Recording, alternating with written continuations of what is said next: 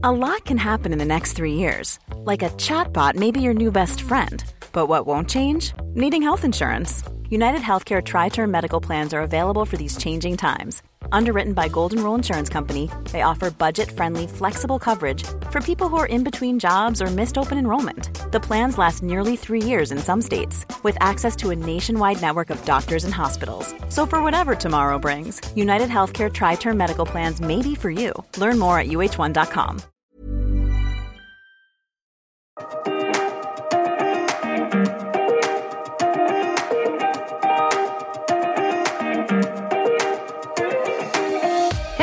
och välkomna till Succé dig själv. Podden där vi träffar människor som är precis som du och jag, men som har drömt, vågat och vunnit. Varje historia är unik och inspirerar dig till att våga succé dig själv. Så häng med på vårt möte. Vad säger du Fille? Pia, nu kör vi!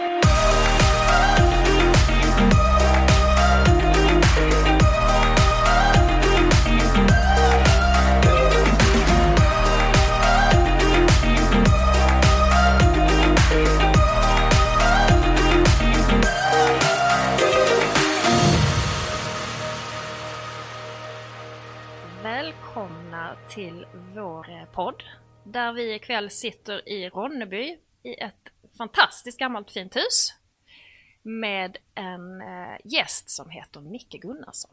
Välkommen! Tack så hemskt mycket. Vi börjar, hur mår du? Ja, men nu har ju vi suttit fikat lite så jag kan inte må annat än bra. Nej, jag mår faktiskt bra. Ja, jättebra. Mm. Härligt. Vi skulle egentligen vilja börja med där du eh, befann dig innan du blev, ja, ska vi säga Micke 2.0? Innan jag blev. Innan jag blev något. Innan du blev. Så jag tänkte att jag skulle ehm, Jag får ta hit min farsa då så får han Ja, berätta hur det gick till. Hur blev Hur blev det till Micke? Ja. Ja. Innan du blev så kallad Micke 2.0, Ja. vad du gjorde då. Så jag tänkte att jag ska läsa en bit eh, ur din, från din hemsida. Åh, vad du gjorde Usch. innan. Med allting annat du jobbade med så eh, startade du ett eh, ungdomshus. Du startade entreprenörsprojekt för arbetslösa, digitala barnsagor med 300 barn, det nationella fredsuppdraget. Du startade olika företag med vänner, mötte investerare, jobbade på Hyper Island, byggde digitala plattformar, jobbade med film och fick lov att starta upp en helt unik och egentligen hemmagjord gymnasieinriktning med en vän. Du började få förfrågningar om att få föreläsa om din egen historia kring eh, bland annat mobbning.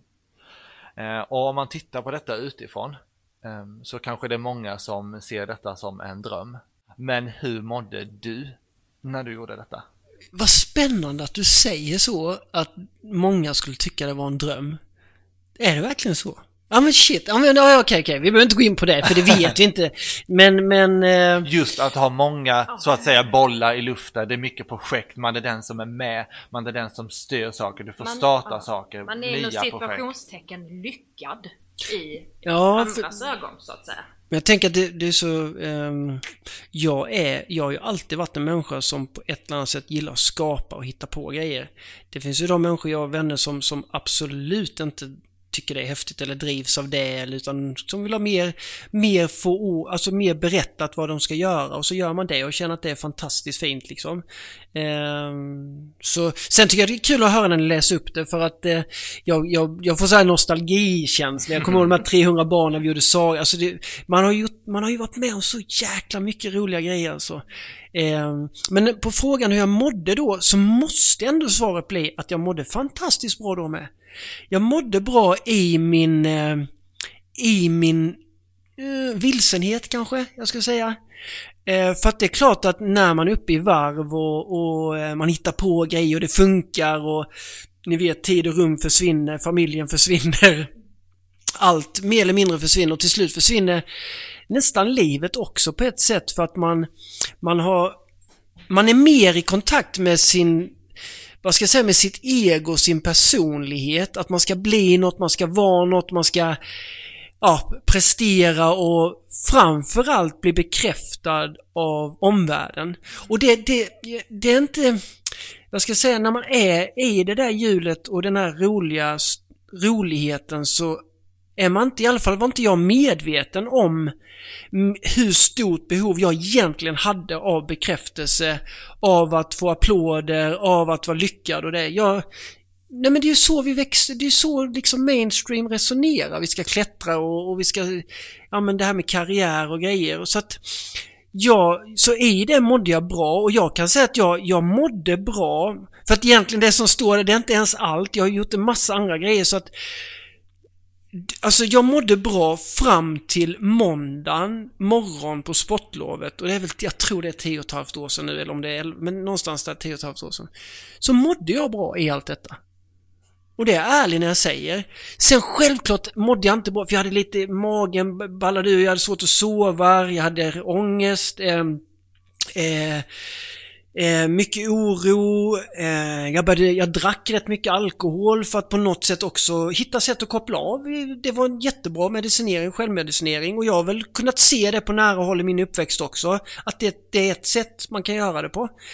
Eh, så, men jag mådde bra och det är klart att min fru, mina vänner runt omkring mig kunde säga liksom en, tagga ner eller mår du verkligen bra eller din hälsa och...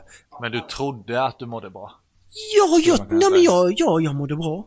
Äh, jag tyckte ja, det. Det bara snurrade på. Och eh, ja, så att därför kunde jag inte ta in deras eh, ord på fullaste allvar. Blev du, blev du irriterad på dem när de ifrågasatte om du mådde bra? Absolut, jag kunde tycka de var störiga. De fattade ju inte. Nej. Nej. De, alltså de fattade ju inte hur det skulle vara. Nej. För det visste ju jag.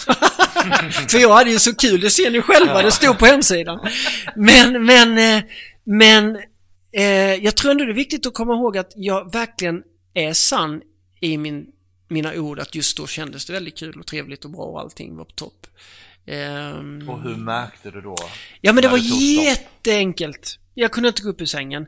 Och vaknade på måndag morgon och vi skulle iväg på någon sån här liten utflykt för det var sportlov. Eh, ja, som jag ser det, som jag minns så, så, vet jag att Max och Kalle, då var ju de, fort, då var ju de rätt stora ändå. De, de kom in i, i sängkammaren och skulle hämta mig till frukosten för jag hade inte gått upp till frukosten och de sa liksom äh, nu pappa vi ska åka, kom igen nu.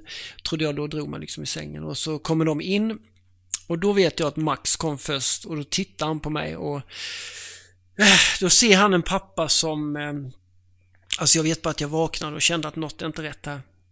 Jag vaknade rädd. Mm. Jätteångest och jag kunde inte få styr på min kropp. Alltså det kändes som att jag var förlamad. Nu var jag nog inte men det kändes som att jag var förlamad i benen. Jag kunde inte... Jag bara kände, det var som någon tryckte 300 ton bara ner mig i sängen. Och tårarna kom och Max öppnar dörren och tittar på mig och så säger han Usch, jag nästan rörd Så tittar han och säger så här, Pappa, vad är det med dig nu? Och då började jag gråta, för jag visste inte själv vad det var med mig. Och jag vet att jag fick gå upp och jag spydde på vägen. Var... Ingenting funkade. Nej. Och då Jenny då som, som eh, min, min underbara fru och följeslagare på något sätt hon visste ju, hon, var, hon är beteendevetare och jobbar med personal för hon visste att eh, så jag, jag, jag, jag vet att bara att hon går fram till barnen och säger Nu behöver pappa vila lite och så stänger hon dörren om mig och så blir det helt mörkt. Ja. Och då fick jag vara, ah det fy fasiken mm. alltså jag blir mm. riktigt eh, Fast jag blir kärleksfullt berörd för att Dels att man har en sån support från en sån, som människa i den situationen. Eh, men sen så Sen låg jag nästan i den sängen nonstop i, vad kan jag tänka mig, tre veckor. Eh, sen började jag komma upp lite, men jag var sjukskriven nästan ett år. Eh, men jag, jag, vet också, jag brukar berätta om det, just bara för att förstå hur viktig jag trodde att jag var. Mm. Så när vi, Jenny, Jenny fick ringa alla samtidigt, jag kunde inte göra någonting. Så hon, hon ringde Capio vårdcentralen och jag kom ner dit och så när läkaren, hon tar in mig, för jag somnade faktiskt ute i väntrummet, jag var helt slut. Och då så när jag kom in i, med henne så säger hon till mig, läkaren, att eh, det, ganska snabbt att som jag, som jag ser det så kommer jag börja direkt med att sjukskriva dig i tre veckor. Och då skäller jag ut henne. Det är så jävla kul. Alltså jag skäller ut henne. För hon fattade inte vem jag var. Nej. Då var jag vikarierande chef och vi skulle få ihop två stora verksamheter i Växjö. Så jag var ju väldigt viktig. Mm. Jag trodde ju verkligen var något. Alltså på visitkortet var det ju sån jävla häftig titel så jag kunde ju knappt uttala den. Så att jag var ju något där va. Så att då, då säger jag något, men vadå, tre veckor, du är helt jädra, jag kan inte vara, fattar du vad jag håller på med? Och då säger hon en grej, jag vet inte om det är lagligt, men då säger hon så här till mig. Jaha, det visste inte jag. Nej, men då får du väl gå tillbaka till jobbet. Och då börjar jag gråta och säger, men jag kan inte gå tillbaka, du ser, jag sitter ju här med jag... Och då säger hon så här till mig. Okej Micke. Hur ska du ha det då? Och den var tuff. Ja. Jag hade nog inte riktigt ställt den frågan. Inte utifrån det djupet av mig själv när jag sitter och är så jävla så, förlåt jag svär, men så sårbar, ledsen, liten och skadad på något sätt. Att lyssna på den innersta, hur ska jag ha det? Och då kom liksom så mycket familjen, barn, alkohol, allt bara liksom Ah shit alltså. Så att jag, jag skulle säga att utmattning eller livsgrej, det var, jag, jag tänker så här att livet gav mig en, en chans och sa nu stoppar du. Nu stoppar jag dig och så vill jag att du tar en vända till här. Eh, för just, och jag kan, idag kan jag verkligen se det, det känns som att livet hade längtat efter mig. Livet längtade att få leva mig och nu, livet kom inte åt mig längre för jag var bara sprang, bara sprang, bara sprang. Och det är klart att jag gjorde behjärtansvärda grejer, jag är så stolt över alla grejer jag har gjort, jag är så, jag är så glad över alla grejer jag fått upplevt. Men jag gjorde dem utifrån en plats inne i mig där jag inte kunde känna ro. Utan jag var som en liten rädd pojke i allt jag gjorde. Rädslan att inte räcka till, rädslan att inte få applåd. Det var det som var grundtonen. Mm. När jag stod på scen de åren så var jag också rädd på scen. Jag var forcerad, jag, hade, alltså jag var rädd att man inte skulle gilla mig. Och ni kan fråga igen hur många gånger jag har ringt hem efter föreläsningar och gråtit. Ja. När jag har fått på utvärderingar något att någon inte tyckte var bra eller att jag fick en trea i betyg av fem något. Jag kunde gråta. Jag är skit där, jag hatar, jag fattar inte vad jag föll på. För att jag, jag var så identifierad i mig själv, mitt ego. Och det var precis som livet sa. Micke, om du bara stannar upp nu så ska vi tillsammans göra ett jäkligt schysst samarbete. Så ska jag frigöra dig från det. och så att du istället, idag kan jag säga det, idag känns det som att jag skrev på ett, har skrivit på ett kontrakt. Att jag sa till livet, okej, jag ställer upp, jag är heltidsanställd Ja. av dig då. Ja. Så lyder jag bara order och så kör vi tillsammans. Och då öppnades upp en helt annan frihet när det inte handlar om mig längre. Nej. När jag kunde släppa taget om mig. Men det, det, Men det var ett du- långt svar, men... Ja, men in, innan du, den här morgonen när du inte kunde stiga upp på sängen, kan Mm. du, kunde du i efterhand se att ja, kroppen gav mig rätt klara signaler innan det hände? Ja, det är klart. Ja. Det kan man ju bara säga liksom, va- varför... Oj, nu så har han visst ställt in kaffemuggarna i kylskåpet. Typ. Jag hann inte, jag, jag, alltså barnen kunde säga pappa, hörde du vad jag sa? Va? Alltså jag var inte där. Nej. Jag var så sjukt mycket uppe i mitt huvud. Så jag var inte i kontakt med, med liksom mig själv på ett djupare plan, utan det snurrade hela tiden. Så jag hade, det är ungefär som du tänker dig, ta en duschstråle. Jag hade högsta tryck på duschen hela tiden. Och det var jättekul. Men jag visste liksom inte hur man stängde av. Jag hade inte lärt mig förmågan att, att reglera det själv. Nej. Det behövde jag hitta.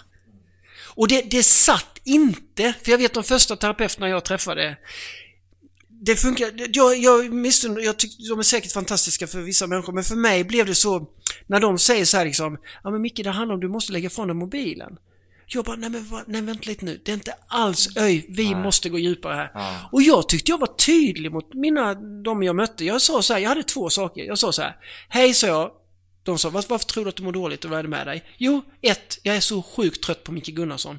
Två, jag vill kunna stå på en scen på, med tusen pers framför mig, inte få en enda applåd och gå därifrån och känna mig nöjd. Och då var det en annan terapeut som sa, nej men så kan du väl inte säga, det är klart det är väl underbart med applåder, man ska väl bli omtyckt. Och jag sa, jag älskar dig med, men vi kommer inte kunna jobba ihop. Nej. Så att och det tror jag också är viktigt att ha med, om det är människor som är i den här situationen när man, när man behöver ta hjälp, så tro inte att första ska funka. Gör det det så är det bara grattis, men jag vill verkligen uppmana er att funkar det inte så gå inte hem och säga ja de där kvacksarna ska aldrig mer gå till, utan nej, nej, nej. Det, det så, ser så olika ut i, i hjälp så att ge inte upp, utan ta då nästa, nästa, nästa. Ge det inte förrän du hittar något som, som kan funka. Det vill jag verkligen skicka med kände jag nu. Jag, jag, jag har faktiskt varit i en liknande situation där jag verkligen inte... Jag fick hjärtklappning och åkte ambulans från mitt jobb eh, och trodde det var en hjärtinfarkt. Eh, propp i lungan, ja det var så många grejer. Och eh, hamnade ju precis i det svaret att eh, det är stress. Mm. Och gick då till olika terapeuter eh, och det var faktiskt min syster som tog semester och hade bokat en tid till en terapeut i en annan stad som hon hade gått till. Och jag säger tack gode gud för det. För det andra var jag så, jag var, jag kommer dit, jag är skitsur på min syster för hon har fixat detta. Jag sätter mig ner, jag är som tre år, jag sitter med, armarna i kors över bröstet. Jag ska min själ inte prata på 45 minuter bara så hon vet. Men att, att vi hittar ju varandra och hon bara, du har ju bara en gas. Var sitter bromsen? Precis. Va? Nej men broms, det är ju tråkigt. Sitta still, det är tråkigt. Det går, har du provat yoga? Ja, det är jättetråkigt. Jag tittar på klockan efter en sekund. Alltså allt det här som bara bevisade att okej, jag, jag, jag förstår vad du, vad du är på väg. Så det är precis som du säger, man behöver kanske hitta, man behöver leta lite innan man hittar den där som klickar. Ja, jag tror det. Och det, jag tror det, när du beskriver det där att, att inte kunna vara stilla en minut och så, så var det för mig med. Jag kunde ju inte liksom... Alltså det jag inser nu var ju att jag var i ett relativt väldigt dåligt sällskap med mig själv. Att jag kunde, så fort jag kopplade av, så fort jag skulle stå ut med mig själv, bara mig själv, så var det inget bra ställe att vara på. Och det är det som jag kan känna är den s- s- 2.0. Att jag älskar, alltså jag älskar att vara med mig själv.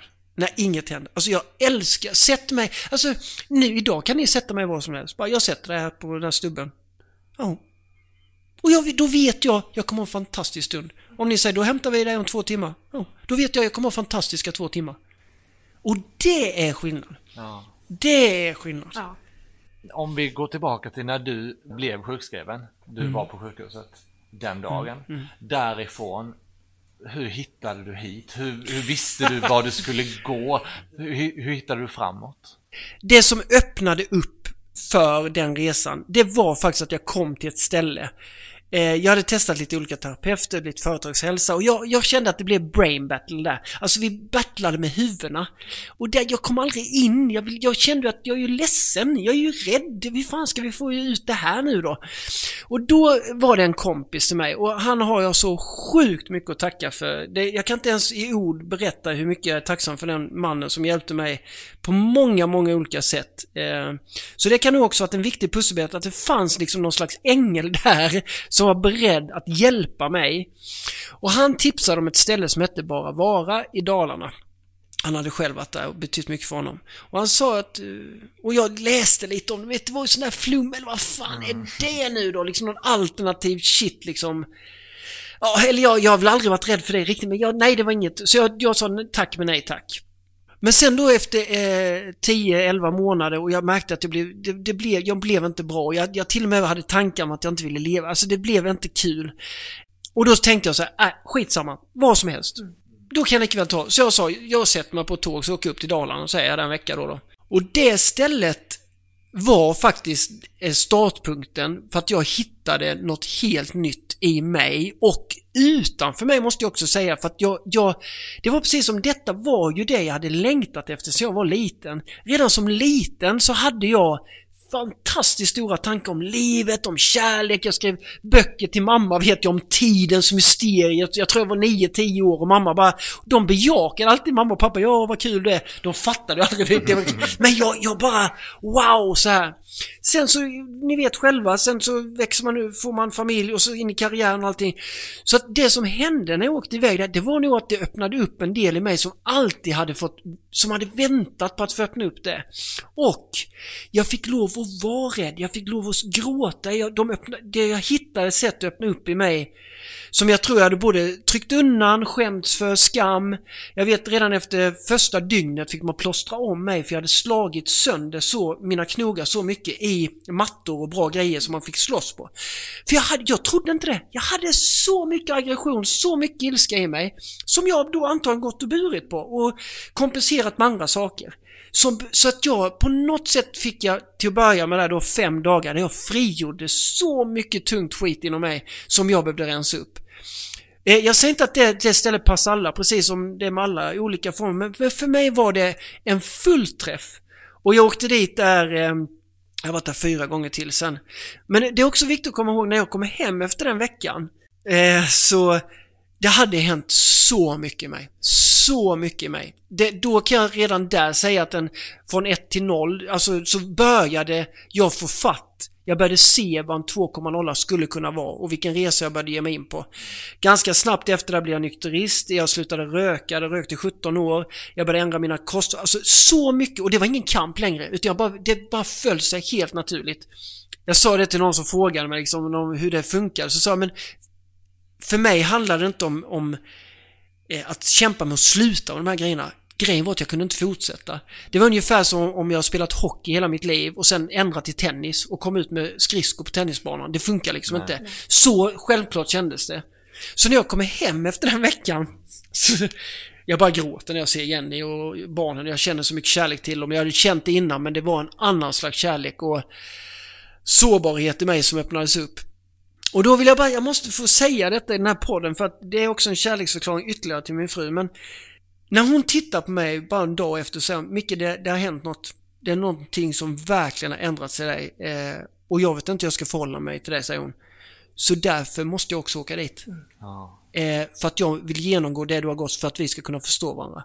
Oh, fattar ni? Jag fattar ni?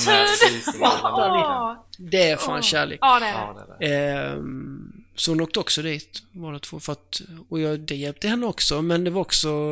Hon gjorde det både för sin skull, men också för vår skull, och se vad är, vad är detta liksom. För att kunna förstå? Ja, och kunna prata ja. om det, kunna, mm. kunna beskriva min, min aggression, vad det handlar om. Alltså det var så vackra samtal efter det och det har ju följt oss hela tiden egentligen. Öppnar upp en helt annan dimension i vårt förhållande skulle jag vilja säga. Så, tänk... så det var startskottet kan jag säga, mm. det stället. Och sen så, det, med det så kom så mycket andra saker naturligt. Jag började intressera mig mer för liksom livsfrågor, nästan också liksom mer mot andlighet, mot egot, mot eh, förstå mig själv bättre, inre ledarskap framförallt. Alltså att förstå mig själv bättre. Innan hade det varit mycket mer projicerat mot det yttre. Att det var jobbets fel, att jag var utbränd, det var alltid de andras. Men nu kom jag till en plats där jag ville ta fullt ansvar för mig själv och skapandet inifrån och ut, inte tvärtom. Ja. Alltså, det, jag, jag, är lite nyfiken. När du då, du, du varit sjukskriven, du åker iväg till Bara Vara och så kommer du hem eh, och man säger människor runt omkring dig. Du sa nu Jenny, hon åker upp till Bara Vara för att ja. förstå alla mina kompisar ja. kunde inte åka dit. Nej, alla dina kompisar kunde inte. Men vad sa alla runt omkring? Han har tappat eh, förståndet. Han har blivit eh, hodi-bodi. Nu, nu, nu går det ut för. Eller vad mm. sa... Eh, eller de, det var liksom... Jag tror inte jag är den som får höra det. Kände jag nu. Mm. Att... Eh, Självklart måste ju människor ha tyckt och tänkt och trott. Jag är ju syster och bror, men då, vi har också haft så fin relation, mina, mina, vi syskon, att vi har alltid stöttat varandra i allting och varit nyfikna på varandra. Och, eh, min bror åkte också dit till slut, för han hamnade i samma situation som mig. Prestation, det, det var väl något som låg i oss, eller viljan att vara älskad, men också att älska andra och allt det här man ska ställa upp för alla andra. Mm leva gränslöst själv bara för alla andras skull. Eh, så vi, vi, vi jackade i, vi, vi jackade i fint. Men, men självklart så är det klart att det ruskar om.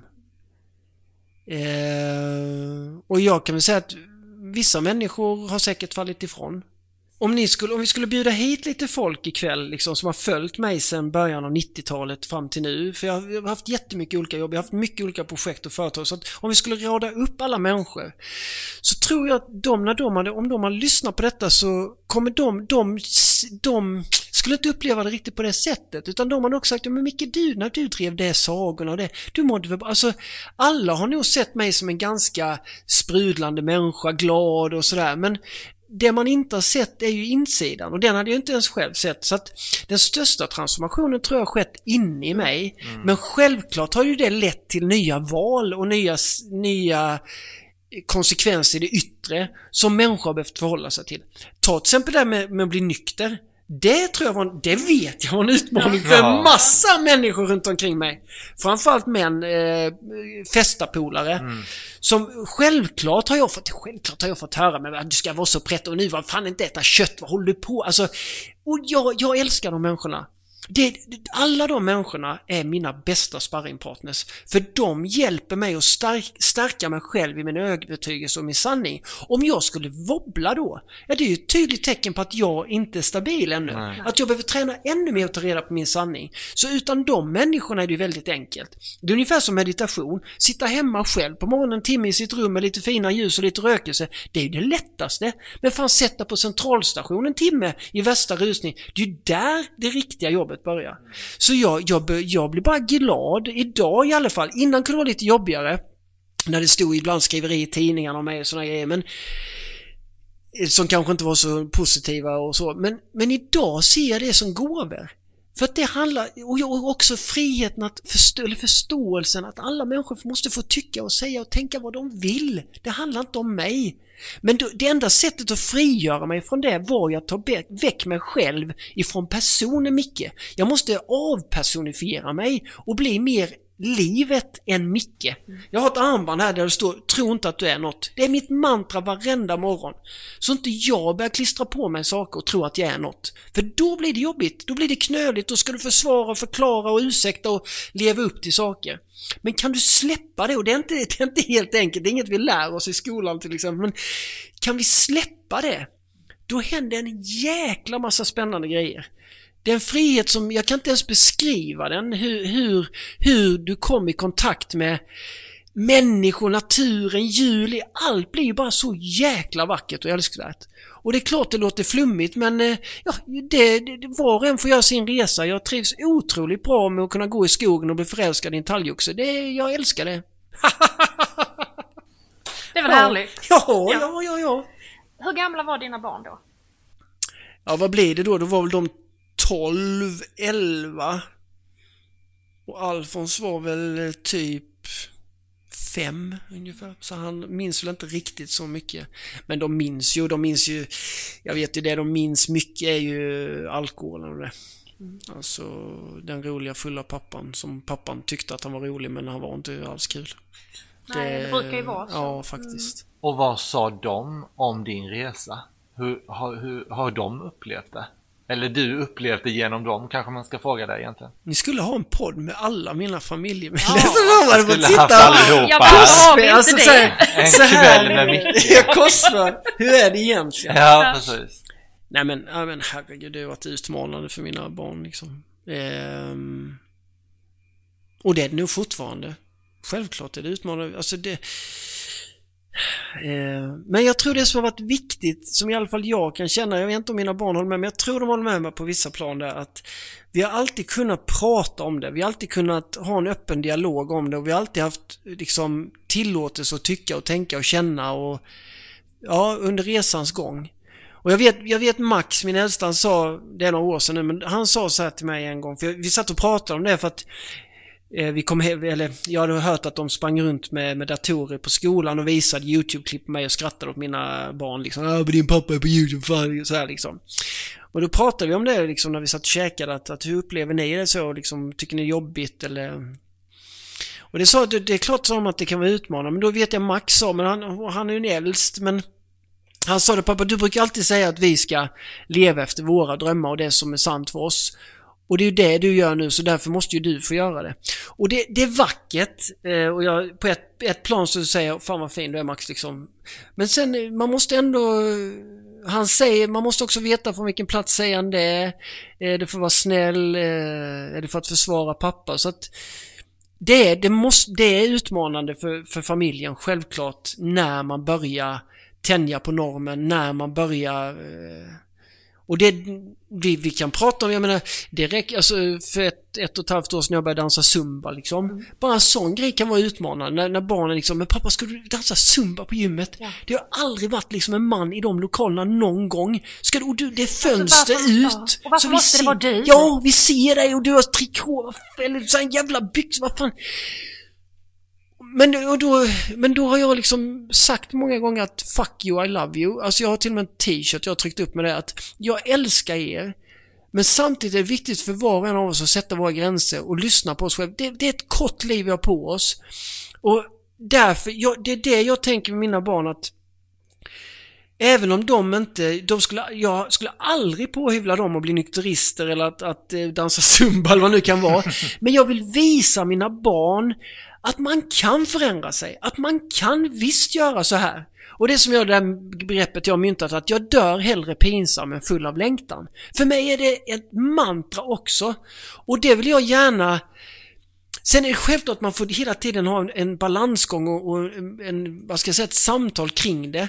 Eh, men jag tror också, det, detta är inget som hände över, det, detta är också något som har hänt över många år, så de har väl fått anpassa sig. Ja. Och sen, jag upplever ändå någonstans att vi, det finns en stolthet och en kärlek gentemot varandra, att vi gör den här resan. Eh, och de, vi mår bra. Eh, jag sa det senast idag till, till en av mina söner att jag älskar att vara farsa just nu i mitt liv, alltså till de här tre. Där två har flyttat hemifrån. Alla tre barnen har otroligt spännande resor i sig själva nu och med, med, en har flyttat till Växjö. Alltså, det är så kul att följa dem. Och i, då, när man då kan känna att grundfundamentet finns där, då tänker jag, ja men då var det inte så farligt att dansa zumba. Då, då fortsätter jag. Eh, men man får ju hela, man har ändå ett ansvar att känna av. Men märker du det nu när de är vuxna? Att eh, där är, där den här tankebanan är med? Att man, man ska våga och man ska, det är inte så farligt. De är ju där de är och de, de är ju de, de, alltså personer och... Eh, men eh, det, jag skulle ju... Ska, för mig är det tre... Ja, vad ska jag säga? Få skryta med sina barn. Ja, men det, det... För mig är det tre... Det ska bli otroligt spännande att se vad, som, vad de kommer ta för platser på jorden alltså.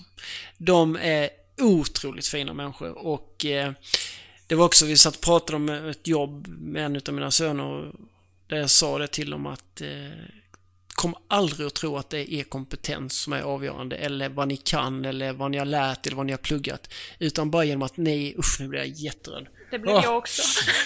jag sa bara, bara genom att ni är de människorna ni är så är det, så är ni så safe. För de är så fina liksom. De skulle inte göra, ja det är fina, fina grabbar. Ja. Oh. Mm. Nu fick jag, nu fick jag mest undan lite. Mm. Ja, men det, och då menar, jag, då menar jag att om grundfundamentet, om det finns en slags grundläggande kärlek och respekt och öppenhet som bas, då är det ett slags, vad ska jag kalla det, då är det ett rätt bra immun, då tål det mycket. Jag skulle säga det att vår, vår plattform, i och med att vi, vi alla utifrån där vi är i ålder och så har gjort ett jäkla inre jobb. Och det är klart att i och med att Jenny och jag har gjort det så har vi också haft verktyg och förmåga att kunna möta våra barn där de är. Ja. I kriser när vi har varit med om ganska jobbiga grejer inom släkt och familj. Att vi har kunnat vara där. Att, och, och att vi, ja, på något sätt, vi har, vi, har, vi har tagit hand om vår skit. Vilket gör att vi är mer renare också kan vara de föräldrar vi behöver vara till våra barn. Och jag tycker det är en viktig grej att ha med sig. Jag nämner ofta det när jag är ute och, och pratar att jag har ingen ambition, liksom allt jag gör, allt på sociala medier, allting jag liksom tänker i föräldraskap handlar inte om att hjälpa föräldrar med verktyg eller metoder för att få dem att kunna få sina barn att bli så som de vill att de ska vara. Utan det handlar om att ge oss föräldrar i så fall insikt och verktyg för att vi själva ska kunna bli de vi, vi vill vara när vi ska möta barnen precis som de är. Och det är en jäkla skillnad. Mm. Och då måste jag börja ta hand om min skit. Då måste jag våga se mina, mina rädslor, min sårbarhet, min aggression, mina, min, min alkoholproblematik. Jag måste fejsa mig själv. Det är den finaste gåva jag kan ge till någon jäkla unge på den här jorden. Men det, det är ju inte så kul. Alltid. det är ju lättare att peta på de andra och säga att du ska förändra, du borde skärpa dig. Mm. Nej, men titta på dig själv. Mm. Och det menar jag, i och med att det kan, vara, det kan vara riktigt stolt över att jag har haft modet att göra. Att inte sopa saker under mattan och sen snubbla på stora högar utan städa upp mycket.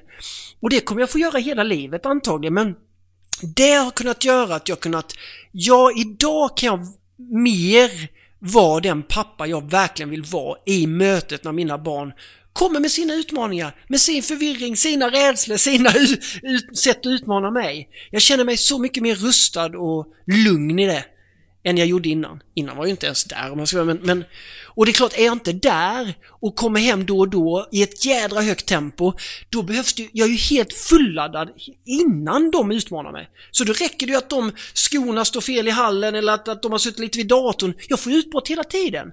Inte för att jag medvetet vill vara taskig mot ungarna, men jag är helt chanslös. Mm. För jag är så fucking uppfulladdad. Det pratade vi så, om innan. Mm. Det här att eh, blir du, när du, hur, hur hanterar du din ilska idag? För jag menar... Eh, om, om du ja, känner irritation oh, eller ilska, låter du den känslan komma och gå? Eller eh, agerar du? Agerar du någonting på den? Eller hur gör du när de tankarna kommer? Nu ska jag säga något kaxigt. Alltså ärligt talat. Och jag tror, även om ni har haft min familj, nu är jag här igen, de borde... Mm. Alltså det är otroligt sällan numera jag blir väldigt arg, eller blir arg. Och det, det, jag kan säga att det, det handlar inte om att jag inte till, skulle tillåta det. Det handlar inte om att jag flyr från det jag känner. Men någonstans, i och med att jag själv inser att det är jag som skapar allt yttre. Att det kan, jag kan aldrig uppleva något an, utanför mig själv än genom mig själv. Det är jag som skapar det yttre och vill ta ansvar för det jag skapar. Om jag då, då är inte jag så pigg på att outsourca mitt mående till omvärlden heller. Utan då vill jag också ta ansvar och se hur riggar jag mig bäst i denna situationen. Och för mig, det kan man bara välja liksom, vill jag vara glad eller skitarg? Nej men det är mm. mycket, att försöka, och detta kanske låter som, ja men herre, man måste ju vara arg, man måste, ja du får, man får vara vad man vill. Men för mig har det varit viktigt att att hitta vägar så att jag kan ju bättre och närvarande och medveten jag är i situationen, för vi blir ju alltid drabbade utifrån. Mm. Det regnar, barnen svär på allt, vi drabbas ju hela tiden. Ja. Så det måste jag komma till insikt med att jag är chanslös utifrån det perspektivet. Men jag är absolut inte chanslös hur jag tänker möta det, tänka kring det som händer. Jag menar antingen står jag och skriker och svär på regnet som helt plötsligt faller ner eller så gör jag något åt det. Och där kan jag känna att jag, jag blir mindre drabbad idag. Och det är ofta när jag utmanas, då vet jag att eh, jag behöver ta några andetag, jag behöver hitta distansen, jag behöver inte bli reaktionär, utan snarare eh, jag har ju den här dabben, alltså drabbas, acceptera, agera och bokslut. Och det handlar egentligen om att... Förlåt, ta det en gång Ja, dab, dabben. eh, ja men så här, det. Vi drabbas av saker hela tiden. Vi kan, vi kan inte rå på allt. Nej. Så när vi har drabbats av någonting, då går vi till A i nästa då. Acceptera. Acceptera fullt ut vad som helst, vad som än händer. Att vara emot nuet och det som händer är egentligen helt korkat. För det är ju det som det är. Ja. Det, det är liksom... Ja, det är så, det är. De, ja. så det, det kan man egentligen inte argumentera emot utan lär dig att acceptera vad det än är som händer. Därefter när du får det spacet för jag måste bara säga, för att då och se, acceptera det som, det som är på verkligheten, det som är. Ofta så är det inte, vad ska jag säga, de flesta grejer om vi bara ser dem exakt som de är, så är de ganska neutrala. Det finns liksom inget, det bara är som det är.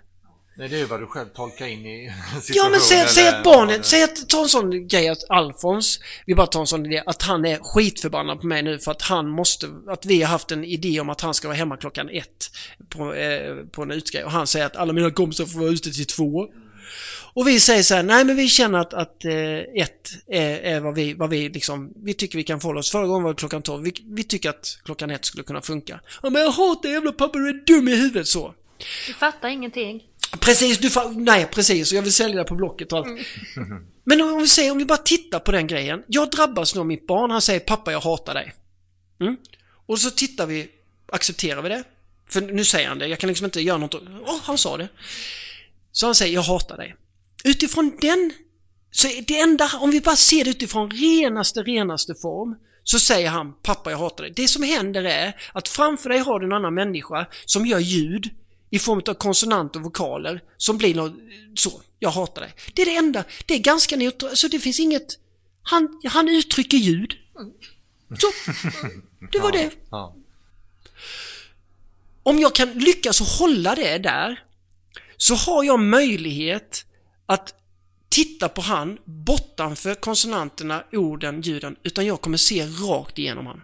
Jag kommer nå hans hjärta, hans själ, jag kommer se hans förtvivlan, hans rädsla mot vad hans kompisar Jag kommer kunna möta honom på ett helt annat plan.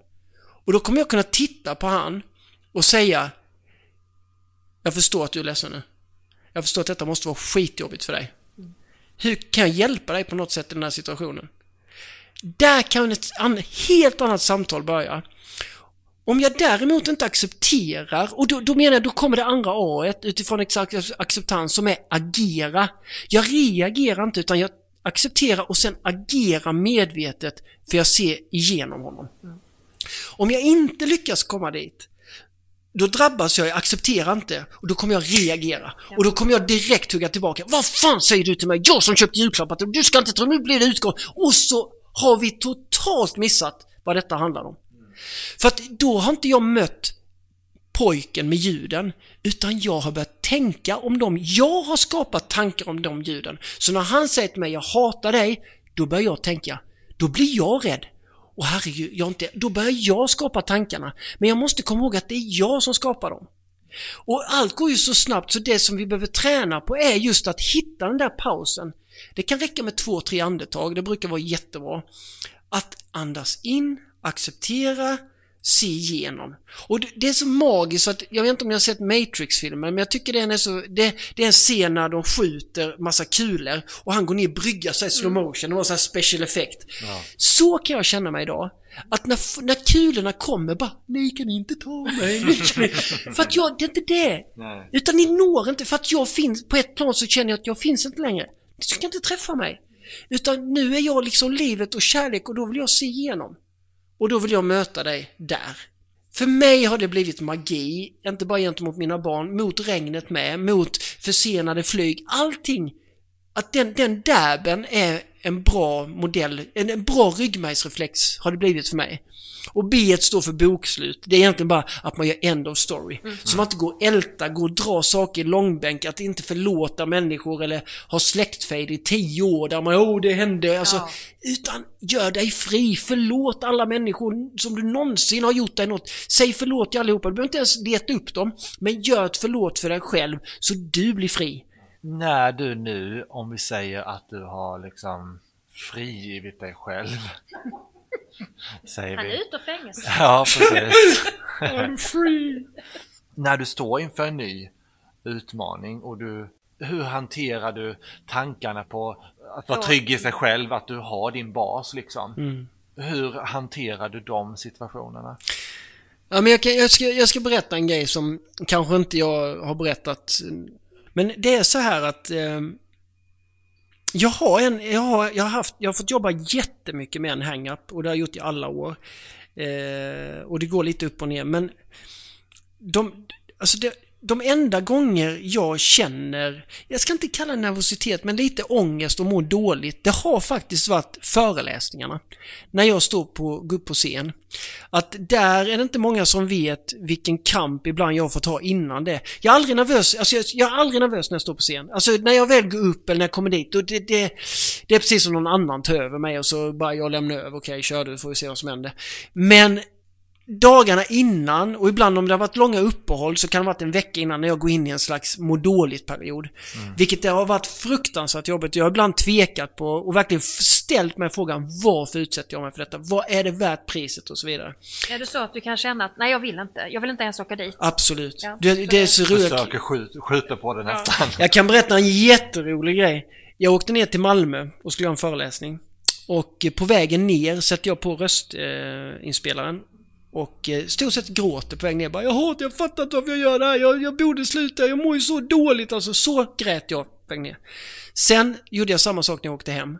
Och då spelade jag in igen och bara, jag fattar inte varför, varför jag är... Alltså jag älskar det här, det är det bästa jag vet. Alltså jag, wow, wow, jag ska aldrig, jag fattar inte ens hur jag kan tänka. Och så satt jag och lyssnade på dem och tänkte, fan det är samma människa. Ja. Så det har ju varit en grej som jag har behövt jobba med och hitta vägar. Och jag, jag, tycker jag börjar komma mer och mer mot min sanning hur jag vill, hur jag vill göra det och hur jag vill ha det. Eh, så att jag vill ändå ta med det perspektivet. Men däremot så om man tittar på allt jag gör nu, alltså saker jag... Jag älskar att hitta på och jag älskar att göra saker. Det som jag tror är varför jag aldrig känner en tvekan. För jag, jag vet ju, det, jag träffar ju vänner och så, eh, till exempel, ta alla Instagram-inlägg jag gör. Alltså alla är skrivna exakt, alltså 99% är skrivna precis innan. Alltså varje morgon, så jag läser inte ens igenom, bara tjup, och jag har aldrig varit nervös. Jag vet ju människor som skulle korrläsa, titta och så här. Ja, alltså det finns inget, det är bara, jag spelar in, jag gör meditationer. Någon sa till mig, men du kan inte börja lägga ut meditation, du har aldrig mediterat. Ja, men jag har mediterat sen i höst, eller våras. Ja, men du måste ju vara utbildad. Nej, skit jag, jag har inte alltså, kolla här. När jag ser mina barn nu som har flyttat hemifrån nu, så fattar jag, så kan jag ibland tänka så här, åh vad tiden går fort. Men det är inte tiden, det är livet som går fort. Och ju roligare man har, ju snabbare kommer man ju dö. Det måste man ju också ha med sig. Alltså ju bättre du mår, ju lyckligare är du, ju snabbare dör du. För att då går det ju så jävla snabbt. Mm. Ni vet ju mm. själva när man är... Vi har suttit här nu och poddat och man undrar vart tog tiden vägen? Ja, vi är inte ens hungriga. För vi är wow! Ja. Och när man... Så att vi har ett långt liv, då ska du ha så jävla tråkigt du kan. För då, nej men då kommer du vakna på morgonen och ända och tio, är det inte fredag snart och herregud, dagarna tar aldrig slut. Nej, så att vi då, men det, då blir det ett långt lidande. Men med det med mig att det kommer gå snabbt det här, då har inte jag tid att jiddra. Jag har inte tid att sitta och fundera om jag ska lägga ut meditation. Nej, jag får nog vänta. Eller jag kanske behöver någon gå någon kurs. Nej, det skiter jag fullständigt i. Där Nej, nej, nej, nej, nej. nej, nej, nej, nej, nej, nej, för satiken. Bara gör, alltså. Och, och, jag tror då, eh, sluta identifiera dig med dig själv. Låt inte egot och din, din person och jag tror jag är något eller ska bli något. Lägg ner det. Pulverisera idén om dig själv och bli, gå upp i livet istället. Bli en del av livet, av energi, livsenergi, naturen, allt. Där finns ju ingen rädsla. Vad ska vi vara rädda för? Det är ju inte sälj, jag tror inte ens en snigel som går över vägen i livet, den bara går. Ja. Det är inte många fåglar som sitter vid en gren och bara jag vågar inte, jag måste ha en terapeutfågel för jag vet inte vilken gren jag ska välja nu, herregud vad ska jag... Nej, de bara flyger! Det är ju det vi, vi behöver hitta den friheten, men problemet är ju, och det har vi när vi föds. Då är vi ju fria. Mm. Men sen går vi in i det här systemet som ska förpacka och trycka och göra oss skiträdda. Och det sitter ihop med hela den här bilden, eller det ekonomiska system vi har i vårt samhälle.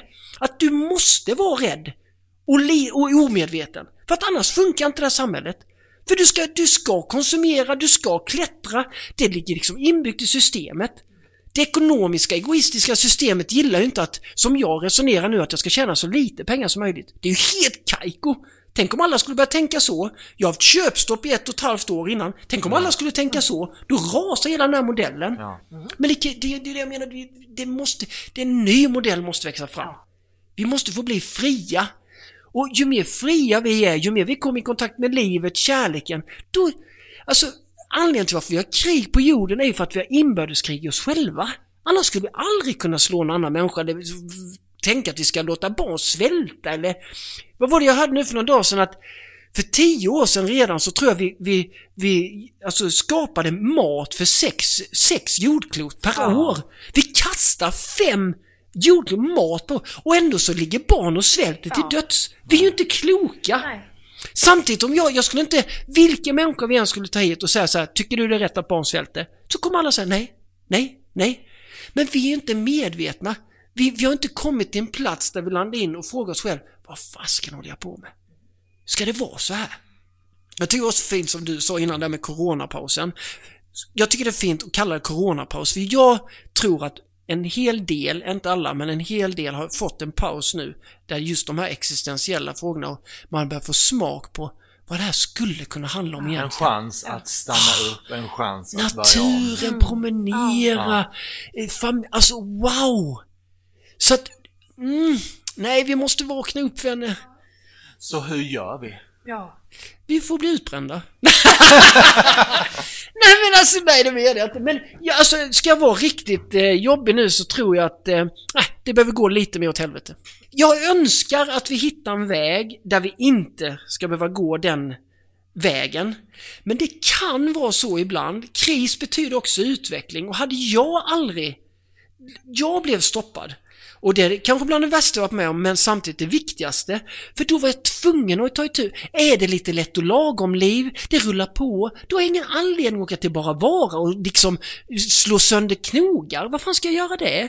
Man tar sig en liten grogg på fredagskvällen och sen så, så är det väl bra. Mysigt, sen är det måndag ja. igen. Och, det, och jag menar att Ja, det var det måndag igen. Ja, måndag. Ja, och sen jag tycker också det är viktigt att bara komma ihåg att allt, allt är som det ska. Vi kan inte påskynda det här uppvaknandet, utan det sker exakt i den takt det ska. Sen kan det vara frustrerande, men ha tillit. Det är ungefär som jag brukar tänka ibland en, en, en, eh, en larv, en fjärilslarv. Det måste vara larv. Och det är inget fel. Vi kan inte, om vi tar en fjäril där och en larv där så kan vi inte säga att den är bättre eller sämre. Utan vi ser att det är så här det ser ut. Men skulle jag ta larven och kasta ut från balkongen och säga flyg ni jävel, den kommer ju dö. Så vi kan inte, vi kan inte påskynda detta. Så att däremot så, om vi nu, och det handlar inte om att rangordna, det handlar inte om bättre eller sämre, men en fjäril kan förstå larven. En fjäril kan förstå lille vän det som håller på att hända nu att du spricker på sidan och att det börjar komma ut en, en, en, en, en vinge. Det kallas vinge liksom. Och larven, vad fan är det som händer? Jag kan inte ens krypa som jag brukade, släpa allting. Fjärilen ser, oj oj oj. Oj oj oj, detta kommer bli så fint. Ha tillit, ha tillit. Och larven kommer säga till fjärilen, du är dum i huvudet. Ja, du fattar du inte, jag kan inte ens äta mat längre. Jag, jag har ju... Jag spricker ju. Ja, och det, det som kommer hända är att larven kommer dö. För det som kommer ta fart är en ny, en ny version. Som kommer kunna flyga, men säga det till larven. Därför har vi ett ansvar, tänker jag, som fjärilar. Nu säger jag inte att, men en fjär, vi kan ta lika väl, vi skulle kunna lika väl ta en tredjeklassare och niondeklassare i skolan. Det är aldrig någon människa som skulle säga att en niondeklassare är bättre än en tredjeklassare. Men vi bara förstår att så här är det. De kom ut ur mamma lite olika tidpunkt. Men däremot niondeklassaren kan förstå tredjeklassaren. Den har gått igenom den här processen. Men en tredjeklassare kan aldrig förstå en niondeklassare. För den har inte varit där. Nej. Så vi får inte heller döma, vi får inte börja agera hatiskt mot människor som vi tycker är konstiga, puckade. Nej, nej, nej, nej, nej. Allt är som det ska. Bara se till att du är den fjäril du ska vara.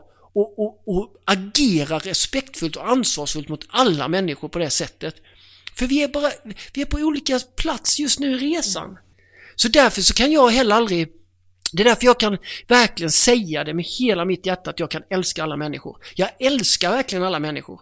Ju mer jag, jag kan känna det, ju mer tror jag jag kan i alla fall bidra med till att vi kanske kan vakna upp mer och mer. Eh, och till slut, och det kommer ske, det är bara liksom alla de ungdomar jag träffar idag, åh de är så kloka, det är så medvetenhetsnivå. Så det kommer bli så sjukt bra alltså. Det kommer bli, vilken fantastisk jord vi, vi kommer se. Jag kommer nog inte se det, men, men mina barnbarns barn, wow, de kommer, de kommer fatta att paradiset behöver man inte vänta till man dör för att komma till, utan det är ju här. Vi har ju allt vi behöver. Vi har allt på denna fantastiska liksom, jordbit mitt ute i rymden. Men vi måste vakna upp så vi kan se det och rigga det på det sättet. Men just nu är vi Just nu är vi lost. Det är en väldigt förvirrad tid just nu. Och det är därför det är så mycket spänningar idag. Det är liksom med Trump, med, med Corona, det är mycket som ska hända just nu. Vi är inne i en väldigt... Och här kommer vissa människor lida, vissa kommer att födas. Det är, så det är, det är en viktig tid just nu, tror jag. Jäklar vad jag pratar. Men det är därför jag sitter Vi här. gillar det. Vi är helt med, vi sitter tysta. Ja, jag är ser! Sitter tysta och nickar med stora ögon. ja. Ja, nu måste jag få lov att använda mitt favorituttryck. I'm flabbergasted. Jag älskar det på engelska. Vad är det? Jag tappar hakan. Ah, är, okej, man är bara flabbergasted. oh, wow. Okej, här. okej. Mm, Jag tycker ni det var är söta när ni satt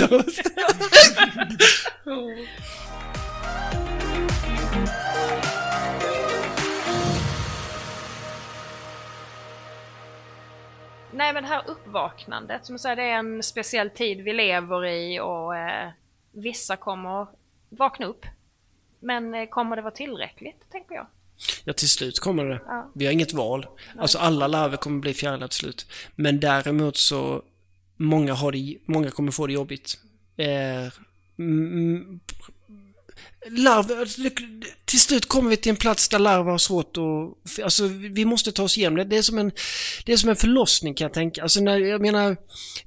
Du kommer till ett läge när du inte har en chans. Nu, ska ungen, nu kommer ungen och, och det gör jätte... Alltså, nu har inte jag fött någon unge men... Alltså, och när det är som jobbigast, då väntar också snart det vackraste i de bästa fall. Men vi kan liksom inte trycka in ungen igen och säga nej, nej. men du, utan det, det är ett utdrivningsskede. och, och jag menar att det här, vi måste hjälpa varandra att vara barnmorskor. Vi måste hjälpa varandra igenom det här. Och det är väl det jag egentligen känner mig i det, min livsmission, det jag gör, att jag ser mig nästan som en barnmorska. Att kan jag på något sätt hjälpa mig själv och andra att göra den här resan så smärtfri som möjligt så wow vad jag är glad för det. Och där måste man fundera själv också. Kanske hur mycket hur mycket är jag emot? Hur mycket är jag, alltså hur mycket elände skapar jag för mig själv just nu? Hur mycket kränger jag till det själv? Hur mycket är jag lost i mina tankar? Och för att vi överhuvudtaget ska börja bli medvetna och reflektera över hur det står till i oss själva måste vi hitta olika sätt och verktyg för att komma i kontakt med oss själva. Att, att kunna komma till en plats där du inser att du inte längre är dina tankar, där du inte är dina känslor, där du inte ens är din kropp längre, utan du snarare kan komma till en plats där du blir vittnet, du blir åskådaren i dig själv av tankarna, av känslorna, av kroppen också egentligen. Mm. Och det här, det här är något som, det är därför jag också tror vi ser liksom explosionen av mindfulness, yoga, meditation. För att det finns en längtan. Vi förstår att det måste finnas något, vi ska inte behöva må så här dåligt. Nej. Jag menar en miljon människor i Sverige äter antidepressiva, någon form av antidepressiva per år. Det är, ja, det är helt sjukt! Ja. Och ungar! Vi medicinerar ner ja. ungarna. Alltså det är så fruktansvärt fel. Men, men det, återigen, det är ingen som vill medvetet barnen illa, det är ingen som vill att vi ska stressa sönder oss. Men vi har inte, vi har inte liksom hittat verktyg eller prioriterat denna resan som går inåt. Och det är det vi måste göra, det är det jag säger med skolan med. Vi är fortfarande mer intresserade i skolan om det finns liv på Mars än om det finns liv i oss själva. Vi måste återerövra och ta tillbaka det. För att vi kan inte återigen, det spelar ingen roll hur det ser ut i det yttre om inte jag vi snackar om sociala medier, internet, ja det spelar inte heller någon roll. Jag behöver rigga mig.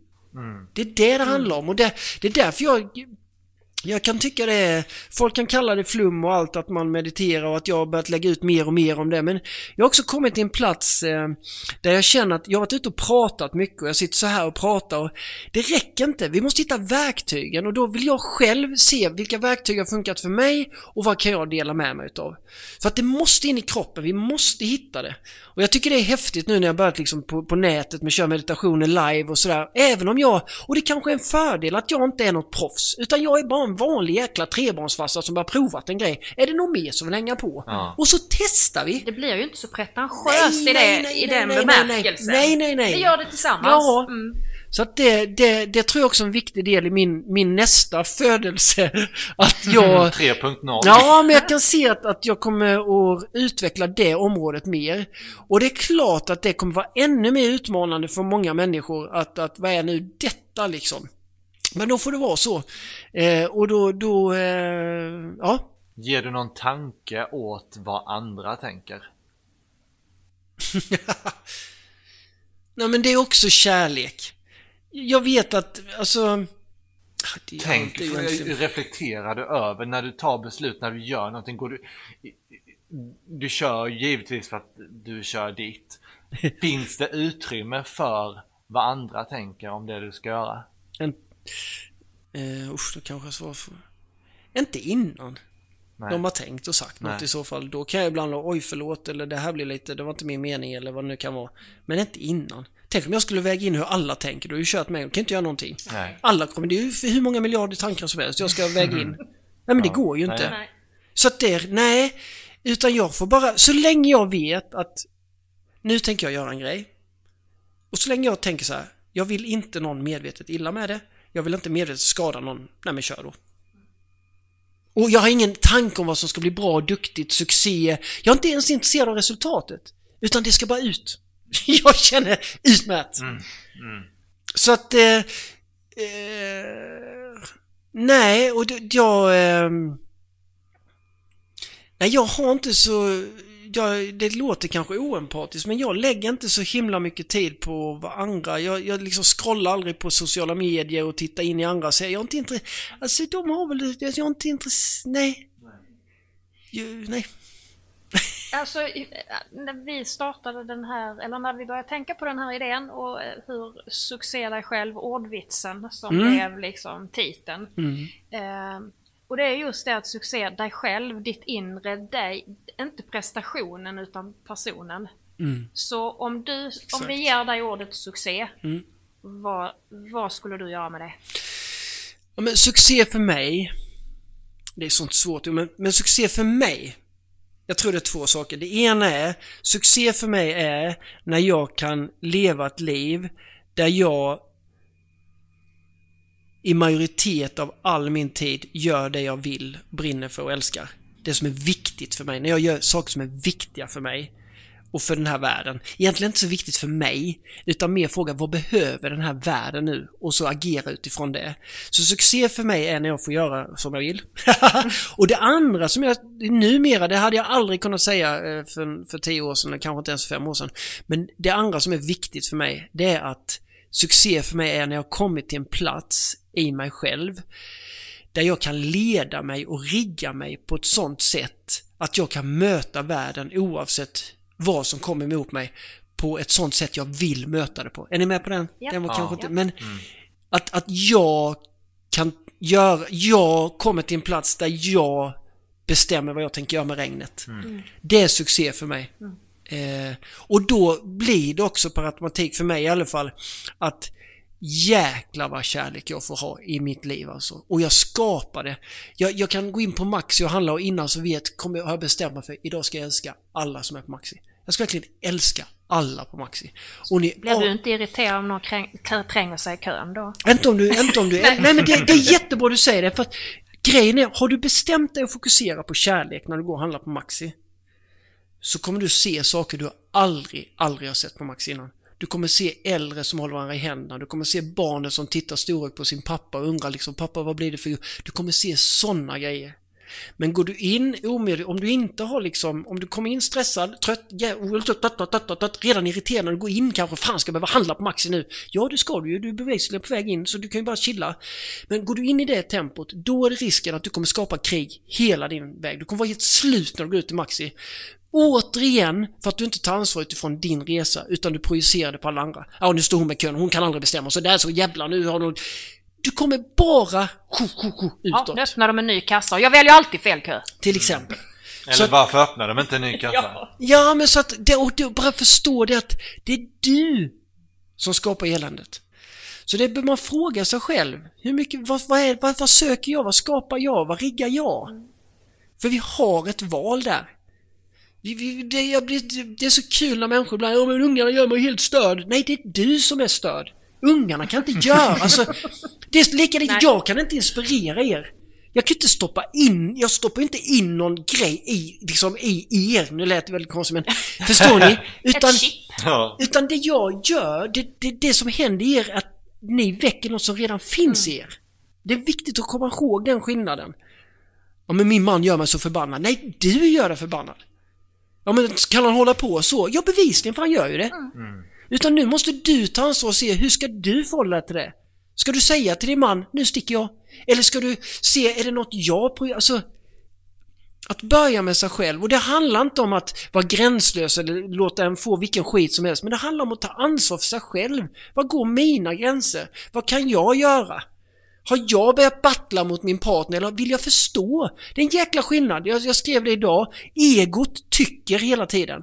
Kärleken, den vill förstå. Jag vill förstå min son varför han står och skriker jag hatar dig pappa denna kväll. Jag vill inte tycka kring honom. Det är helt meningslöst, värdelöst. Jag, jag, jag faktiskt, det är lite roligt för det är lite så här, när man står där i de här situationerna så har jag alltid sagt till, till mina söner att försök förklara ska jag försöka förstå. Men, för det är ju precis, precis så det är, bara skrik inte en massa åt mig och jag skriker en massa åt dig utan bara försök förklara. Och det enda jag kan göra är att försöka förstå. Ja. Ja. Sen man- lyckas, lyckas man ibland och man lyckas inte Ibland. Ja, men det är fel, jag menar, nej men jag tycker det, det, det är väl fantastiskt om man kan få, få ha det så. Och det är inte bara med våra barn, tänk dig själv liksom med sin partner, om man möter en partner som säger så här. jag är rädd för att jag inte förstår dig riktigt. Snälla hjälp mig så jag förstår dig. Snälla så jag kan se vilka behov du har så att vi kanske tillsammans ska se hur vi kan tillgodose dem. Snälla, kan vi inte hjälpas åt? Tänk att höra sånt. Istället för att, ja men du då, du är så puckad, du vill ju aldrig liksom, jag tjatar på dig och det är ju fan, ställer ju Du aldrig gör upp för- aldrig detta, du gör alltid detta. Nej, och då är det du. Vi ska inte... Det är också så här, börja inte med meningen du, utan börja med meningen jag. Jag känner, jag upplever, för det kan inte heller någon, om jag säger usch jag känner mig så ledsen liksom över det här, då kan inte någon säga det gör du inte alls. Utan ta ansvar för det du säger. Eller det, det, den situation du står för. Är man Inför. rädd för det? Alltså det, det är ju lättare att säga du Micke, nu sa du fel. Än att jag. Nej, ja men det är väl alltid skönast att slippa blanda in sig själv i sitt liv. Va? Då behöver du ta hand om skiten själv. För jag tänker det om det är det som man, som man liksom distanserar sig till. För det blir ju jobbigt. Och gå inåt blir ju väldigt jobbigt. Och rafsa. Men, men är det inte lättare att kunna, om man kan det, om man har rätt verktyg, är det inte lättare att ta ansvar för sig själv än att lägga över det på någon annan? Jo men självklart, men det är ju en bit När du är där, Ja. du frågar dig, Ja. inte... Nej men det inte nej, men det låter som att jag är någon, nej men det, det, nej, men det är klart att så är det ju. Det, det, det är alltid den dagen när du har tagit hem ledarskapet till dig själv, när du har satt på liksom lagkaptensbindeln på dig själv, då blir det ju enklare. Ja, det är ju bara du som För du är ju inte heller, nej, men då, då är du inte heller slav under omständigheterna. Nej. Då gör det inget att en bil kör om dig på E22 i 200 knyck. Du, du helt plötsligt händer ingenting. Nej. Man bara, ingenting. Du kanske till och med skickar en fin tanke. Oj, det är kanske något barn som är på väg till akuten, hoppas det går bra, hoppas de inte krockar. Du väljer det. Många, många människor tror att inte detta är ett val. Många säger så här, men jag är inte sån. Ja men det är bullshit. Det, eller nu var det hårt, men det är inte sant. Du har, du har genom åren blivit programmerad att du tror det är sant, men det är inte sant. Det, det, nej. Tänk om vi alla kun, kunde tänka så. Det är som du säger, då skulle det inte finnas ett krig i världen heller. Nej. När man bara... Man vänder allt Nej, och går, nej. går och jobbar inåt. Men vi kan tänka så. Ja. Om jag säger liksom, tänk på en röd boll. Då sitter inte du och bara "Ugh, nej, nej, nej, jag klarar inte det! Nej, Det går inte, det går nej, inte! nej, jag försöker! Nej. Tänk! Jävlar, jag missade igen! Nej, det gick det inte. blev en Nej, banan! inte denna gången heller. det blir alltid banan. Nej, men, men, men jag säger, kopplar det igen till larven och fjärilen. Att vi har olika möjligheter just nu. Så att då måste vi också förstå att vi är på olika, vi kan inte pressa fram. Men jag tycker ändå det är vackert att upplysa larven om du är på väg. Det kommer att bli bra. Ja, att vi, vi, och det är inte heller, vi behöver inte gå fram och säga till larven liksom, du, du vet inte, du kommer, utan då är vårt ego igång igen. Men, men att jag tycker ändå det, vi kan i alla fall förmedla att vi kan tänka. För då kan det också, då kan det också vara att, en, att en, en människa som hör detta kanske är precis där, redo att bara, ja just det. Och så börjar det hända helt magiska grejer i hans liv. Vissa kommer säga, vad är detta för flum? Vad är det för podd? Jag ska aldrig mer lyssna på den. Och då, det är helt okej. Och vissa håller med varenda ord, kommer sitta ja, ja, ja. Och det handlar inte om vårt samtal, det handlar om var den människan befinner sig just nu. Och det, ja, det är så fint. Om, om, du, om du skulle ge ett råd var man ska börja? För det är ju, det är ju en lång resa och det är Mm. och mycket man, man... eh, Men har du något sånt där att... eh, Det första, ett första Ja, steg ja. på alltså vägen. det första steget jag måste säga det är att andas. Det, alltså det låter ju helt... Tänk om, tänk om jag hade hört man säga det efter jag hade bara lägg ner. Eh, jag tror det, för det är det, det, är det, det verktyg vi har närmast oss och finns med oss hela tiden. Och det jag menar med andas är egentligen att, för andningen är alltid här och nu, kroppen är alltid här och nu. Och det är dit vi måste komma. För att grejen, vi är så sällan här och nu. Vi är alltid på språng i framtiden och det är där egot drar oss liksom. Och hur ska det gå? Herregud, och tänk om inte och jag väljer fel. Jag, allt är på, alltså barnen, hur ska det gå för dem? Eller är det kopplat till vår liksom, historia och jag vet hur det var när jag var ung och det och det hände. Vi behöver landa in här, och nu, skulle jag vilja säga, är det alltid lugnt. Testa det någon gång. Att tänk, här och nu, som nu, vi sitter på en stol. Inget, inget, det händer ingenting. Vi bara ser. Oftast är det bara så. När vi stannar upp här och nu. Ungen står och skriver, det är rätt lugnt. Att komma till den platsen när vi får några sekunders lugn och ro, känna den friden. Och det menar jag att andetaget egentligen skulle nästan, vi skulle ha som regel till exempel som föräldrar att jag kommer från och med nu aldrig gå in genom ytterdörren när jag kommer hem från jobbet utan att stanna innan jag går in och tar tre andetag. Ah, landa in. Och sen öppna dörren. Den, den, den börjar vi med direkt. Ja, jag tror, jag, jag, jag har något som jag kallar kammen. Eh, som är, eh, och jag brukar rekommendera folk att göra det när man är på toaletten, för det är man några gånger om dagen. Och då kan man ge sig den gåvan att man bara stannar upp och så kollar man K, som i kam då, käkarna.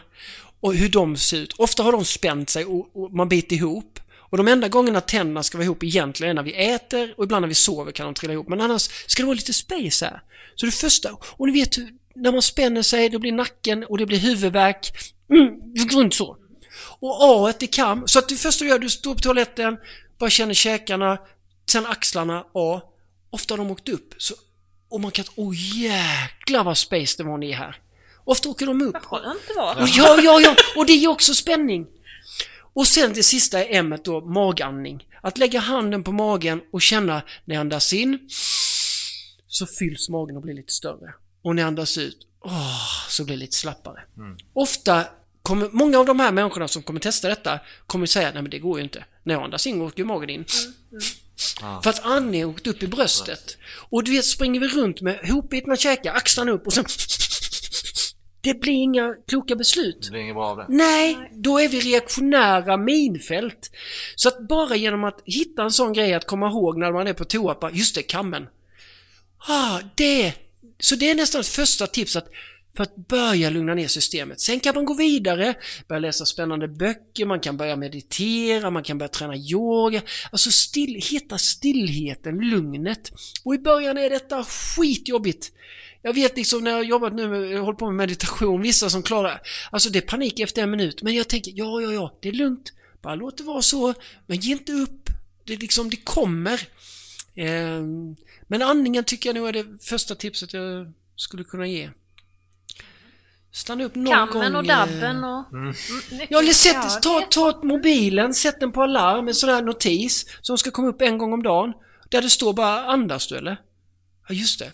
Bara så att du påminns. För att det kan räcka med ett par andetag så kan det förändra en hel situation du står inför. På jobbet eller hemma eller vad det nu kan vara. Men det är ett jättebra tips att göra det innan man går in. Innan Ja, man går in, ja. öppnar dörren och kommer Ja. hem. Ja. Så låt det rensa, andas, möt med en helt annan... Man kan väl utveckla det till exempel innan jag, innan jag startar bilen. Mm. För du är på väg någonstans. Utan, just det. Och ge dig det lyxet. Och jag kan bara säga en sak till. Jag tycker det är så jäkla häftigt. Eh, jag pratade om något för något tag sedan om, om eh, den här pausen, att folk blir rastlösa, att man blir rastlös. Och jag tycker rastlös, jag har hittat en liknelse som jag tycker är fin, som jag hittar på. Och det är Rastlös, det är livets gåva att ge dig rast, för du är rastlös. Du har inte nog med rast. Därför säger livet, du ska få en rast. Ja. För det livet gör när du känner dig rastlös, det är att den skapar en paus. Ett försenat tåg, en kö som är lång, barnen är försenade hem, vad det nu är, så tvingar livet dig att acceptera att just nu får du en paus. Vi är så ovana vid det så vi blir frustrerade, vi börjar knappa på mobilen, vi blir arga, vi blir irriterade. Men om du nästa gång du säger, när du tänker så här, usch vad rastlös jag blir, så direkt säg nej, nej just det, jag får ju en paus av livet nu. Wow, tack! Bommarna gick ner. Jäklar, jag får tre minuter här. Oh! Chans till återhämtning. Och det är chans till återhämtning men också kanske en chans för självreflektion och ställa sig frågan vad händer i mig nu? Går pulsen upp? Går den ner? Blir jag nervös? Vad- Att bara utan att döma, utan att fundera på det, bara observera dig själv. Vad händer med mig när jag får en paus av livet? Fantastiskt spännande. Ah, ja, jag är rastlös för att jag är rastlös. Jag har Exakt. ingen rast. Liksom. Och likadant när vi, jag brukar också säga när vi eh, pustar, när man pustar, suckar, så är det också livets gåva att säga jag tar ett extra andetag. När du pustar, ja, den vill att du ska, ah, ta det lite lugnare. Så jag har lite sådana tålamod tycker jag också är bra. Att tålamod för mig innebär att konsten att tåla någons mod. När jag känner att oh, jag har så dåligt tålamod, och så här, nej men vänta lite. Just nu står du inför en situation där du behöver tåla någon människas mod. Tålamod med barnen, ja du ska tåla deras mod. Just nu håller de på att utveckla något modigt eller testa sig själva. Det är det du får gåvan att tåla. Det är ju skitkul. Ja, det, är den, fantastiskt. den kanske... För vi har, alltså vi, så här, vi är väldigt... Mina barn är två och fyra. Ja. Så tålamod tar jag med mig. Kan själv, kan själv. Och vi har väl ganska dåligt tålamod Ja. i, i det mesta. Ja. Så. så det var bra. Känner du att det är någonting som du eh, hade velat eh, få med? Det skulle jag säga, för ibland säger så här folk hur, hur, hur, du har så- hur kan du ha så mycket energi eller lalalala och herregud, den andra somnar sju på soffan och blablabla. Då brukar jag alltid säga att vi har alla exakt samma tillgång till samma energi. Den är universell. Vi har alla eh, jag ritade upp den gången, jag vet det var en lärare som, jag, vet, jag måste få berätta, när jag skulle komma och göra ett uppdrag på en skola så var det, ringde rektorn mig och sa du det är så här, innan vi tar hit dig måste vi försäkra dem ett par grejer som vi inte respekterar att du gör här. Jaha, så jag har aldrig hört talas om det innan. Nej, men det är någon lärare som har sett det innan. Ja, ja, men så eh, shout, liksom, säg vad det är. Ja, men det är att eh, de, det går rykte om att du stoppar upp en vattenslang i rumpan. och jag, wow! Wow! Eh, ja, så, ja, men det, eller om det är någon bild där du gör det. Och då sa jag, men då är det så att jag hade en bild som min son fick ta där jag stod ute med kläder och allting på. Så tog jag en vattenslang och tryckte mot ryggen, ryggslutet. Så det nästan skulle se ut som att den var uppe i röven. Och den skulle jag då inte få använda, nu gjorde jag det ändå. Men, men det jag försökte, det jag ville visa där, det var att den slangen, den ser likadan ut för alla. Vi är alla dockade till detta universum. Fatta att solen, planeterna snurrar. Förstår ni vilken energi detta handlar om? Allt är energi i slutändan. Förstår ni? När man bara tittar ut en stjärnklar natt, vilken djävulsk kraft det är alltså. För att hålla detta, att vi snurrar nu flera hundra kilometer i timmen bara. Så den energin har vi alla tillgång till, annars skulle inte vi kunna vara här. Och det vill jag ge verkligen varenda människa, att det finns i alla. Sen ibland kommer det knutar på den här vattenslangen som gör att det inte kommer ut vatten. Men slangen finns det alltid, det är samma vatten, men vi behöver titta, hjälpa varandra och titta på de här knutarna. Och då tänker jag så här att det jag, varför jag tror jag har så här mycket energi, det är för att det är inte så mycket knutar längre. Jag, jag har försökt rätta ut de här knutarna. Jag har börjat titta på vad tar min energi? Allt ifrån kosten, hur jag tar hand om min kropp, eh, eh, mina tankar. Alltså att försöka så att jag öppnar upp mer och mer så jag inte har så mycket skit i vägen. Rädslor, spöken, vad ska andra tycka? För allt detta tar energi. Detta, eller det hindrar energin att nå dig. Livet, precis som jag sa innan, livet vill samarbeta med oss. Livet vill nå dig fullt ut. Livet vill leva dig så in i helsike. Men många av oss är för rädda och har inte tilliten och tilltron på att vi ska jag kan säga att idag, jag, idag kan jag säga att det är tvärtom för mig och detta låter kanske konstigt. Men jag har ibland, jag vet jag ringde en gång och storgrät, eh, Jennifer var med mycket. Där jag kände så här. Jag klarar inte att ta emot mer nu. Alltså det känns som att livet vill så mycket med mig. Livet har så mycket idéer, planer med mig så jag, jag vet inte, jag känner mig så liten, för liten rent som människa för att kunna ta emot allt det som ska igenom mig. Och kommer man dit, då kan jag säga att energi är ingen eh, issue. Nej. Det, det, det är helt sjukt alltså. Och det handlar, jag menar innan var jag uppe i varv, det är jag fortfarande, men innan var det inte den energin utan det var en kamp. Idag är det en helt annan grej. När jag vaknar, jag har en inneboende klocka, liksom halv sex varje morgon så säger livet nu ska du upp, gör din meditation, hitta dina rutiner, rigga dig. Och det, det menar jag på, vi måste vara nyfikna på det arbetet och ta ansvaret för det för att räta ut den där slangen. För då, ni anar inte vad det finns. Vi, alltså vi människor, vi, vi nyttjar 10% max av vår, vår kapacitet och förmåga. Vi, wow, wow, wow, wow, wow. Vet du vilken bild jag fick i mitt huvud när du pratade om den här Slangen. slangen? Avatar-filmen, när Ja, han ja. kopplar ihop Åh, med ja, draken. Och liksom alla de Den är här små, så, Exakt. om draken är det, det större jaget eller det inre, Exakt. liksom, hur alla de här små liksom hittar ihop. Och, ja, Och förstå det att livet vill dig. Livet vill dig, kärleken vill dig. Det är så viktigt så vi inte stänger ner. Gör dig till en bra samarbetspartner med livet så det kommer åt dig. Säg ja.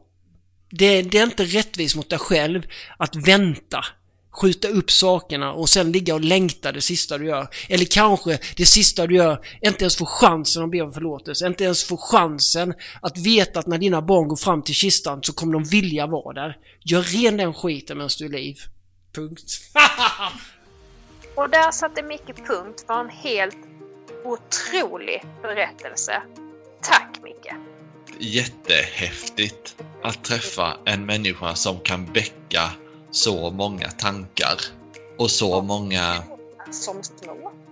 I att man reflekterar i vad gör jag? Hur vill jag göra? Hur vill jag vara? Mm. Mot mig själv, mot andra. För det är så få gånger man träffar de där människorna som kan göra den skillnaden i hur man, hur man tänker. Ja. Och hur han då bestämde sig när han hade gått i väggen och hur han bestämde sig. Att han verkligen hade rotat i det inre mm. och kommit på alla de här svaren. Det är här jag vill vara. Och vem vill inte vara så? Nej, nej, det är ju självklart. Ja, men just Alla vill väl vara Micke? Alla ja. vill ha en Micke i sitt liv. ja, Minst. tack! Minst! Jag tar två. Minst en Micke i sitt liv. Ja, det är helt rätt. Jag undrar om vår nästa gäst, han hade behövt en Micke i sitt liv. Alla hade behövt ha en Micke i sitt liv. Ja. Men resan som vår nästa gäst gjorde när han satte sig på cykelsadeln och trampade iväg från Sverige hela vägen till Singapore är helt otrolig och den vill ni absolut inte missa. Och har du en galen, rolig, fantastisk, intressant historia Tveka inte att mejla till oss på piaochfilip.gmail.com eller gå in på vår Facebook-sida på Succé dig själv och skicka gärna ett meddelande till oss där. Tack för att du lyssnade! Tjingeling!